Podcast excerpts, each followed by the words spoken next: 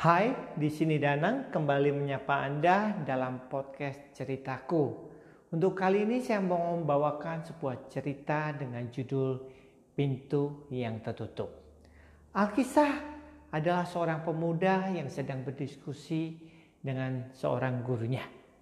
Dia duduk bersimpuh di depan guru dan mereka mulai bercakap-cakap. Kali ini sang guru memberikan sebuah assignment buat pemuda ini. Anakku, ya Bapak Guru.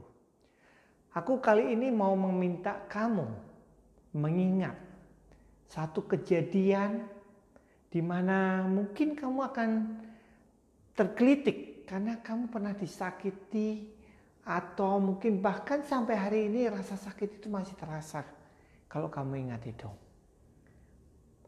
Ada nggak seorang dalam hidupmu yang begitu menyakitkan? Sang pemuda ini kemudian merenung dan yes, ada Bapak Guru. Oke, nah sekarang karena engkau sudah ingat, aku mau memberikan engkau sebuah tugas. Apa itu Bapak Guru? Aku mau kamu mengingat orang itu ya dalam benak kamu dan setelah itu, aku mau kau menulis sebuah surat. Hah? Surat? Surat apa Bapak Guru? Surat yang kamu tujukan kepada orang itu. Dan surat ini isinya adalah ungkapan rasa syukurmu, rasa terima kasihmu kepada orang tersebut. Hah? Benar Bapak Guru? Iya. Sang guru pun menjawab. Kemudian sang pemuda ini mulai merenung.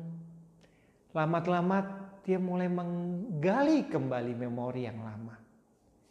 Dan pada waktu memori tergali, rasa sakit itu mulai terasa kembali. Tapi karena sang bapak guru menyuruh dia menulis sebuah surat yang isinya rasa syukur dan terima kasih, dia mulai mengambil secari kertas dan dia mulai menulis. Pada yang terhormat Bapak ABC. Kalimat pertanya, pertama begitu berat untuk ditulis. Sambil mengingat kembali. Namun lambat laun, pada waktu sang pemuda ini flashback, mengingat kembali, dia mulai tergelitik mulailah tangan itu menulis dengan lancar. Dear Bapak, saya harapkan surat ini diterima Bapak dan kondisi sehat walafiat. Dan tak kurang satu apa pun. Bapak, saya mau berterima kasih atas apa yang terjadi di masa lalu. Mungkin Bapak nggak ingat? Nggak apa-apa, tapi saya mau berterima kasih. Kenapa? Karena jujur Bapak, pada waktu dulu, saya ingat sekali ada ucapan Bapak yang begitu menyakitkan saya. Bapak menolak saya, menganggap saya tidak layak buat Bapak. Kemampuan saya, latar belakang saya, dan juga pendidikan saya. Tapi saya bersyukur hari ini Bapak. Mengingat apa yang terjadi pada waktu itu. Kalau itu tidak terjadi dalam hidup saya. Hari ini saya nggak akan bisa menjadi seorang pemuda yang tangguh. Pemuda yang mau mengejar mimpi. Pemuda yang mau terus berjuang. Dan tidak mau menyerah. Dan hari ini apa yang saya dapatkan hari ini hidup saya yang saya nikmati hari ini, semuanya tidak terlepas daripada pengalaman bersama Bapak. Ada satu bagian pengalaman yang begitu menempa saya. Dan karena itu saya mau mengucapkan terima kasih untuk itu. Hari ini sekali lagi rasa syukur itu jauh memenuhi saya.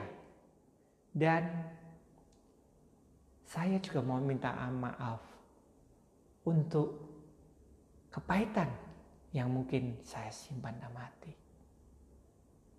Saya diingatkan satu hal, Bapak. Pada saat saya menemui satu pintu yang tertutup rapat, ada pintu yang lain yang terbuka.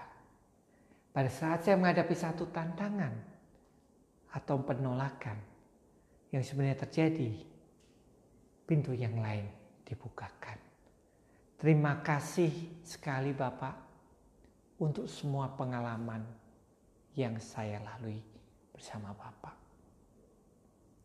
Salam hormat Ananda.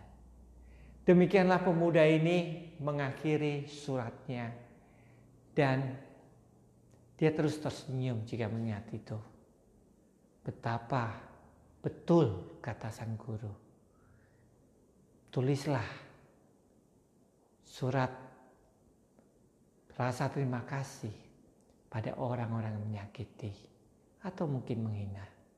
Karena sebenarnya yang terjadi, pintu kesempatan dibukakan. Oke, teman-teman.